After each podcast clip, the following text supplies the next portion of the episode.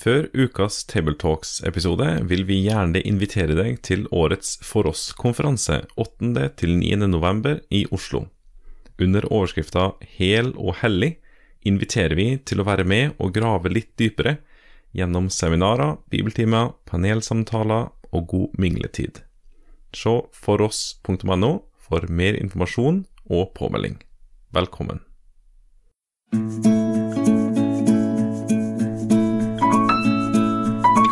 Velkommen til denne episoden av podkasten Tabletalks Søndagsteksten, som blir presentert av den kristne ressurssida foross.no.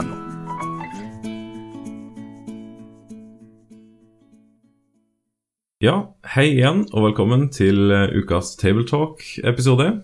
Mitt navn er Øyvind Ruud Kringstad. Jeg eh, har arbeid som regionleder i NLM Region Nord og er redaksjonsmedlem i foross.no.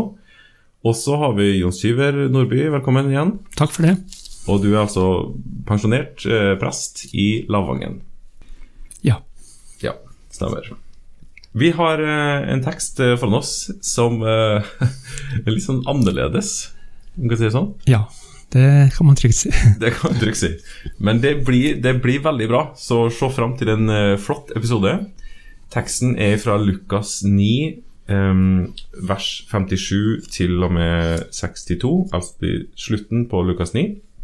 Og det er 19. søndag i treenighetstida som er søndagen det her tilhører. Jeg skal lese teksten aller først. Mens de gikk der på veien, var det en som sa til ham, Jeg vil følge deg hvor du enn går. Jesus svarte, Revene har hi, og himmelens fugler har rede, men menneskesønnen har ikke noe han kan hvile hodet på. Han sa til en annen, Følg meg. Men mannen svarte, Herre, la meg først gå hjem og begrave min far. Da sa Jesus til ham, La de døde begrave sine døde, men gå du av sted og forkynn Guds rike. Det var også en annen som sa, Jeg vil følge deg, Herre, men la meg først få si farvel til dem der hjemme. Men Jesus svarte, Ingen som har lagt hånden på plogen og så ser seg tilbake, er skikket for Guds rike. Ok. Eh, før vi begynner å snakke om sjølteksten, så skal jeg bare ta det siste poenget vårt aller først. For vanligvis på en sånn samtale som det her, så bruker vi å ta litt sånn et par poeng og understrekning for dem som hører på det her, for å bruke det i taleforberedelse. Men det kommer ikke noe eget poeng om det på slutten, så da er herved alle advart. Det kommer masse drøssevis av greier underveis i samtalen. Så lytt bare underveis og få med tingene, og så vil det være ting som både er til oppbyggelse for ens egen del, og poenger som er viktig å understreke i, hvis man skal tale over teksten. Ok, Jon Siver. Eh, Lukas 9, litt om sammenhengen som vi er i, eh, og som skjer her. Vi er jo midt inne i en situasjon hvor Jesus møter tre personer, men det har skjedd noen ting før her som kan ha betydning for hvordan vi skal forstå rammen. Ja. Det starter jo med mens de gikk der på veien. Og går vi noen vers tilbake, så ser vi i f.eks. vers 51 da eh, tiden kom og Jesus skulle tas opp til himmelen, vendte han ansiktet mot Jerusalem. Det var dit han ville dra. Mm. Og da skjønner vi noe om kursen her. Eh, sammenhengen Jesus eh, retter blikket mot det som venter Jerusalem. Og vi har i dette lange kapitlet også flere ting som understreker det målet. F.eks. der disiplene får se Jesu herlighet på fjellet. Mm. De som var med ham der, der og, og, og eh, får se Moses og Elias, så står det at de viste seg og talte om den utgangen eh, han skulle få, om det han skulle fullføre i Jerusalem. Sånn at det er tydelig at eh, veien til korset, den er det som driver Jesus på denne vandringen. Nettopp. Ja, for det leste jeg en annen plass om den teksten her, at vers 51 der som du refererer til, vendte sitt ansikt mot Jerusalem, det markerer et skifte i Lukasevangeliet. Nå på en måte har han vært i Galilea, nordområdet, en god stund, og så forlater han på en måte det, går over i Perea, som det heter, og mot Jerusalem. Og da er det jo korsfestelsen Altså vende sitt, sitt eh, ansikt mot Jerusalem. Da er det jo Golgata og, og tjenesten der si, som han skal fullføre, som er Det er det som er tanken her, er det ikke det? Jo, eh, for det står jo, som vi leste i vers 51, eh, tiden da han skulle tas opp til himmelen. Ja. Altså, det er på en måte hele det frelsesverket Jesus skulle fullføre, Mm. som nå står for døren da. Ja. Og den historien vår kommer jo rett etterpå det, men så kommer det en liten greie før det. For han er da i en samaritansk sammenheng nord i Israel.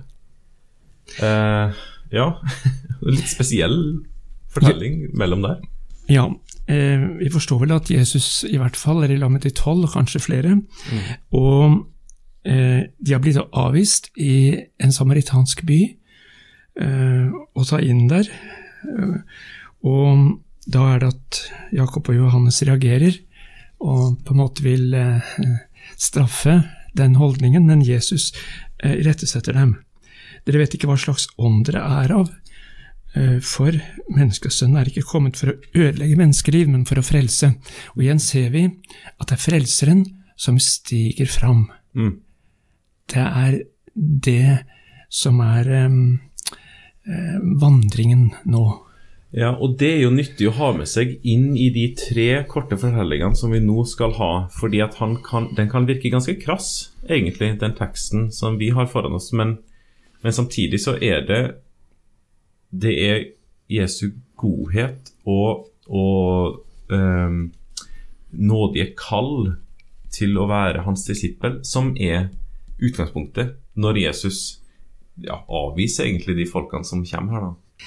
Ja, eh, men kanskje vi skulle, før vi går inn i disse konkrete episodene, ta et lite sideblikk på lesetekstene, om de kan også gi oss lys over eh, temaet her. Ja, altså eh, Det skal ikke så mye til for å lese de her tre hendelsene i, i de fem versene som vi har som hovedtekst, før man skjønner at det, det det å følge Jesus og kostnaden om det å følge Jesus som er greia her. Det er to lesetekster, en fra 1. Samuel 3, 1-11, og den handler om Samuel i tempelet, når han blir kalt av Gud, men skjønner ikke først hvem det er. Og Eli skjønner heller ikke, men så er han lydig. Herre tal. Og den andre er fra 1. Korinterbrev 9, 19-23, hvor eh, Paulus skriver mye om eh, hvordan han i sin tjeneste er villig til å legge ned sitt eget. Det kulminerer på en måte i følgende setning For alle er jeg blitt alt, for i de minste å frelse noen. Men alt gjør jeg for evangeliets skyld, så jeg selv kan få del i det. Så det klinger med her, da. Og det er litt spennende å se at eh, flere forskjellige typer historier fra deler av Bibelen bare underbygger akkurat det som vi skal komme inn i. da. Ja, det er veldig bra. Ok. De gikk på veien. Mest sannsynlig så var de jo da flere enn de tolv eh, disiplene. For kapitlet begynner med at det er de tolv, men så er det en del ting som skjer mellom her som tyder på at det var en sånn åpen disippelgruppe. Og han første, som, eller en person iallfall, som sier da vil følge Jesus, men får et litt merkelig svar. Ja Kan du si litt om det? Ja, eh, jeg har sett på hvordan Matteus eh, beskriver den samme hendelsen. Han har med de to første episodene her. Ja. Det er vel i kapittel åtte, er det det i Matteus? I alle fall. Der står det om at det var en skriftlærd som kommer og sier til Jesus, 'Mester, jeg vil følge deg Mhm. hvor du går'. Og eh, kan hende er det da en som gjerne vil eh, ha opplæring hos Jesus, som tenker at han er en god rabbi, Mm. og gir på en måte et veldig uforbeholden tilsagn Ja. hvor du enn går. Og da er det at Jesus på en måte må gjøre oppmerksom på hva slags følge eh, dette er. Um, vi får et bilde av hvem Jesus er. Eh, menneskesønnen har ikke det han kan hvile sitt hode på. Den veien Jesus nå eh, går, der må han gi avkall på alt det som ellers mennesker kunne eh, trenge, og som vi regner som goder. Og det å være med i Jesu følge, det kan innebære også omkostninger som denne skriftlærde ikke tenkte på. Mm. Ja, og så er det en litt sånn anna I utgangspunktet så er det jo ikke feil av han å komme og stille det spørsmålet, for det var en relativt vanlig måte å gjøre det på. En, opp, en disippel si, oppsøkte en mester, en rabbi, og spurte om han kunne være med i følget. Men det her er ikke en hvilken som helst mester. Det her er Jesus Kristus. Og det er litt annen rekkefølge der, er det ikke det? Jo, altså eh, Jesus sier jo i Johannes evangeliet, det er vel det 15. kapittelet, dere har ikke utvalgt meg, men jeg har utvalgt dere. Mm. Det er annerledes eh, det å bli med i Jesu følge enn eh, det var hos en vanlig rabbi. Da kunne man velge sin mester, men her er det Jesus som kaller. Eller hva tenker du om det her, Eivind? Jo, og jeg syns jo det er veldig sånn Han gjør det klart for denne personen som kommer og stiller et, et uh, flatterende spørsmål. Uh, at uh, inne, altså hva det inneholder, og hva det innebærer, å følge han. da. Det står ting litt senere i Lukasevangeliet om Der er det bretta litt mer ut, enda litt mer ut, om det med å følge Jesus i Matteus Nei, Lukas, unnskyld. 14. Rundt 28 der. Og da sier Jesus at vil ikke enhver som begynner å bygge et tårn, regne ut kostnaden først, sånn at du ikke finner deg sjøl i å ha bygd, kommet halvveis, og ikke kunne fullføre. Og Poenget hele tida her er jo eh, omkostninga om eh, det som innebærer å følge Jesus. da, Disippelskap, rett og slett. No, eh, ok, Et tilleggsrefleksjon eh, omkring det her da, er jo at jeg tenker vi skal ha Det skal iallfall være med å korrigere ens tanke om det med å innby eh, skråstrek være en del av den kristne flokken, til den kristne flokken. Eh, tradisjonelt i eh, sånn lavkirkelig vekkelseskristendom så har man iallfall tidligere vært ganske sterk på det å innby til å bli en kristen. Ja. Men det Jesus viser her gjennom sitt eget eksempel, er jo at han er like sterk på å på rett forstått advare eh, om hva det innebærer å følge han ifra dag én. Han gjør eh, disiplene klar over de skal vi kalle det tøffe og utfordrende sidene av det å følge Jesus. Ja, Jesus talte jo til eh, de tolv i hvert fall, om det å ta sitt kors opp og følge ham. Mm. Og det er noe av det samme som jeg tror ligger i, i det svaret som Jesus her gir. Ja. Ok, Så er det neste person. Han, eh, han får en litt annen tilnærming. Da er det Jesus som sier 'følg meg'. Ja, det er det. Det um, er tydelig at han har et forbehold og er ikke helt klar. Uh, hvordan skal vi forstå dette, svaret som han gir? Nei, Han sier jo 'la meg først få gå hjem og begrave min far'. Det må da kunne være en eh, relativt god eh, grunn, på en måte, da. Eller ja, det stiller iallfall høyt i klassene. Det er liksom ikke at han har glemt noe hjemme, eller noe sånt. Det er et par hakk over det. Ja. Så, og da får han jo i utgangspunktet et krast svar da, av Jesus.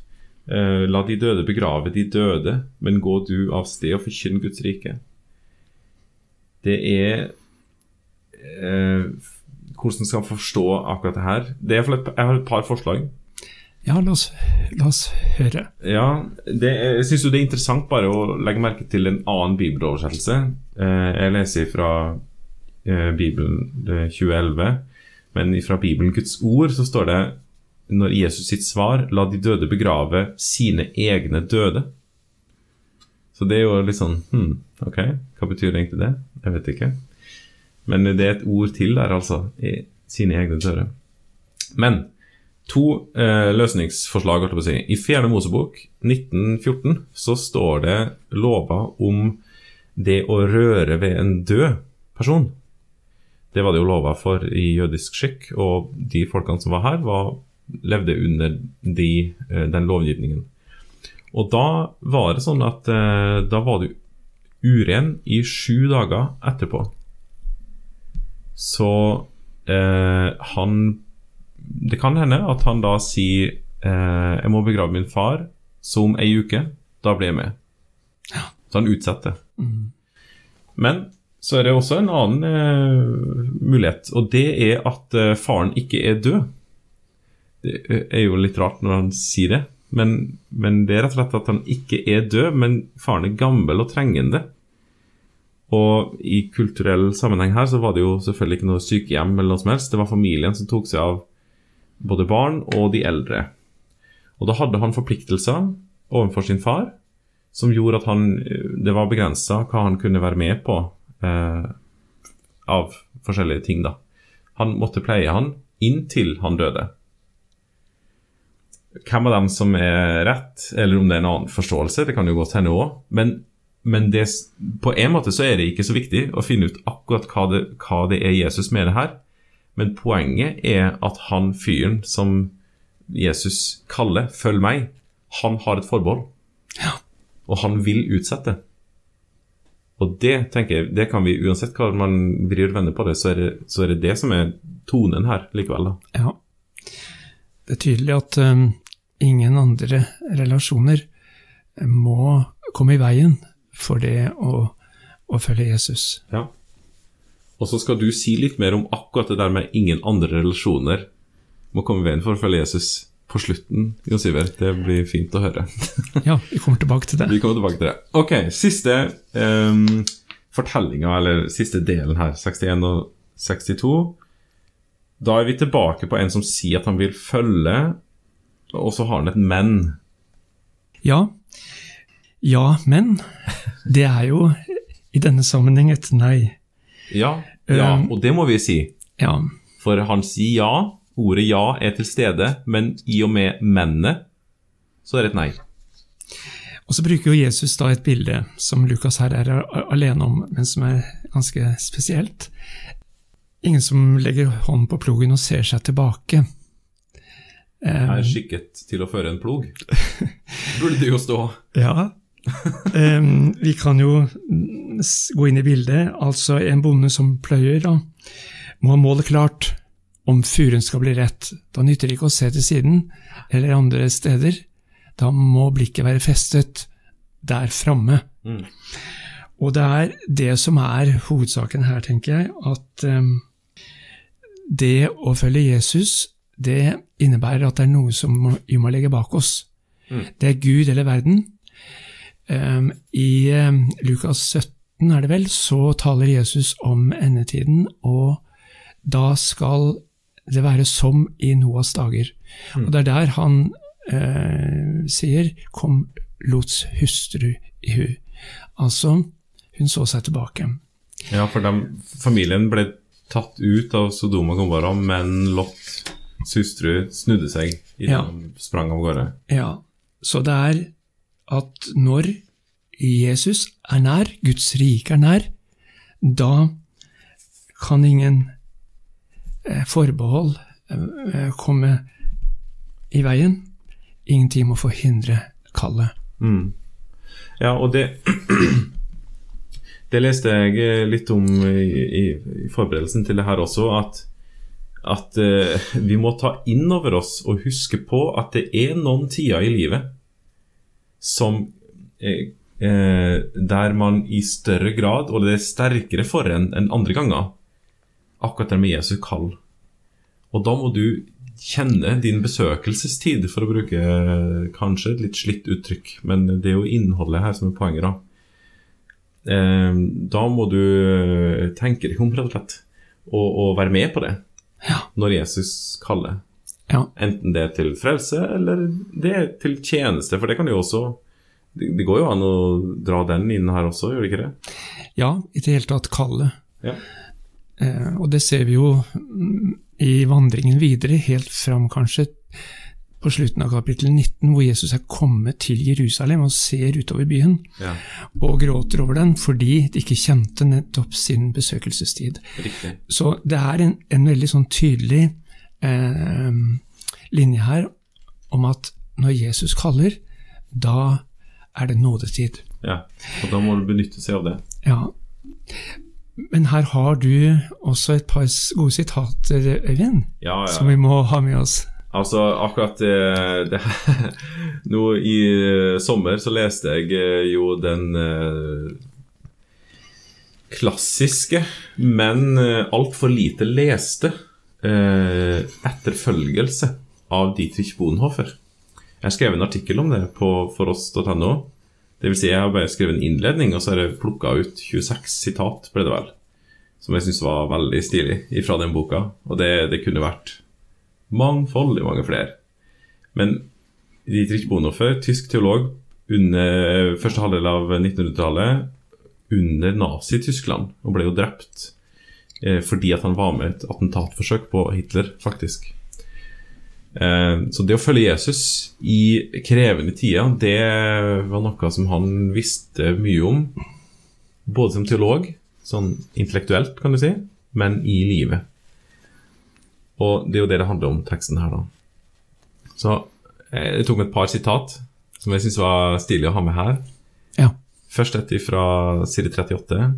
Etterfølgelse uten Jesus Kristus er en vei man velger selv. Den kan være ideell nok, kanskje til og med en martyrvei. Men det er ikke noen løfter knyttet til den. Jesus må forkaste den. Så det er det å følge Jesus Kristus som er kallet her.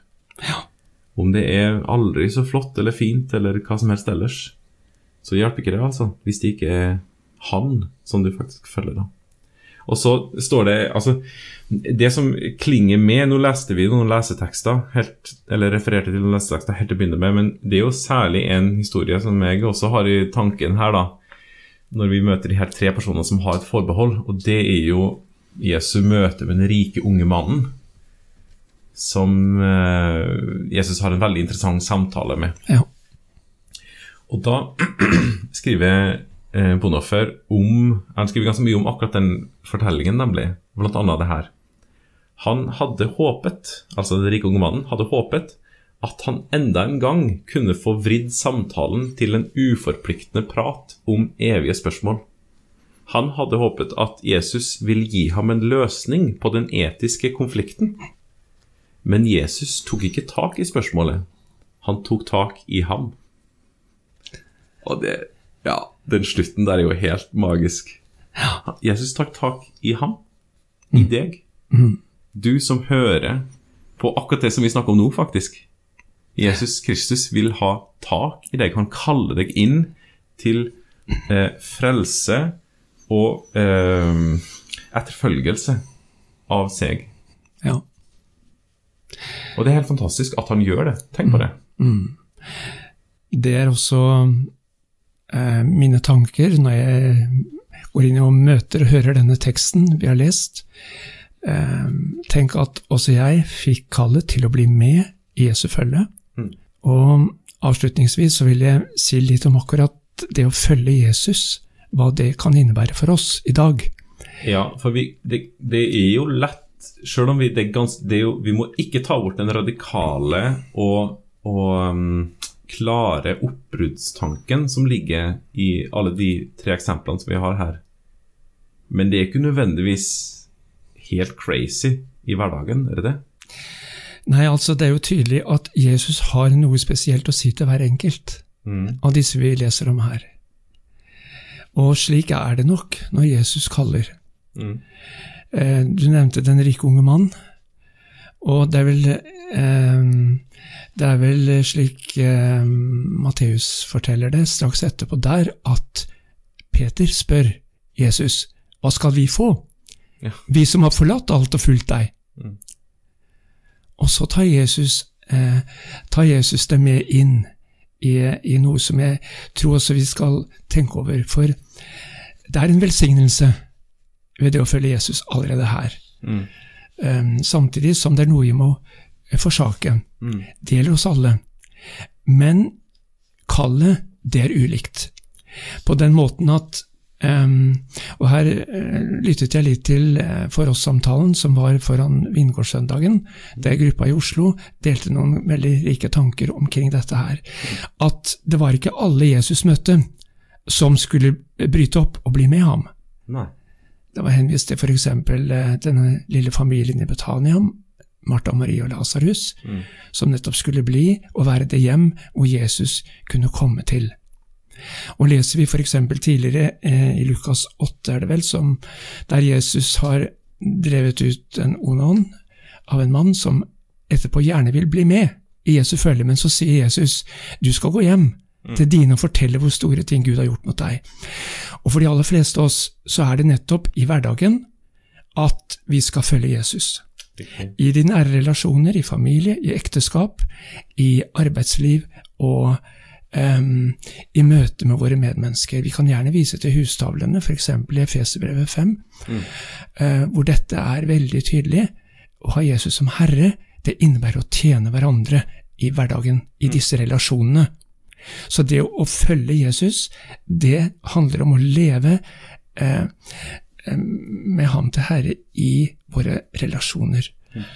Og Um, kan også vise til Kolossebrevet, er det kapittel tre, eller i hvert fall der det står om at alt vi gjør i ord eller gjerning, skal vi gjøre i Herren Jesu navn. Mm. Det er å følge Jesus. Mm. Fantastisk. Tusen takk for en flott samtale, Jens Liksom. Håper det kan bli til hjelp for troen og livet for oss alle. Med det sier vi takk for følget for denne gang. Finn flere ressurser, og vær gjerne med å støtte oss på foross.no.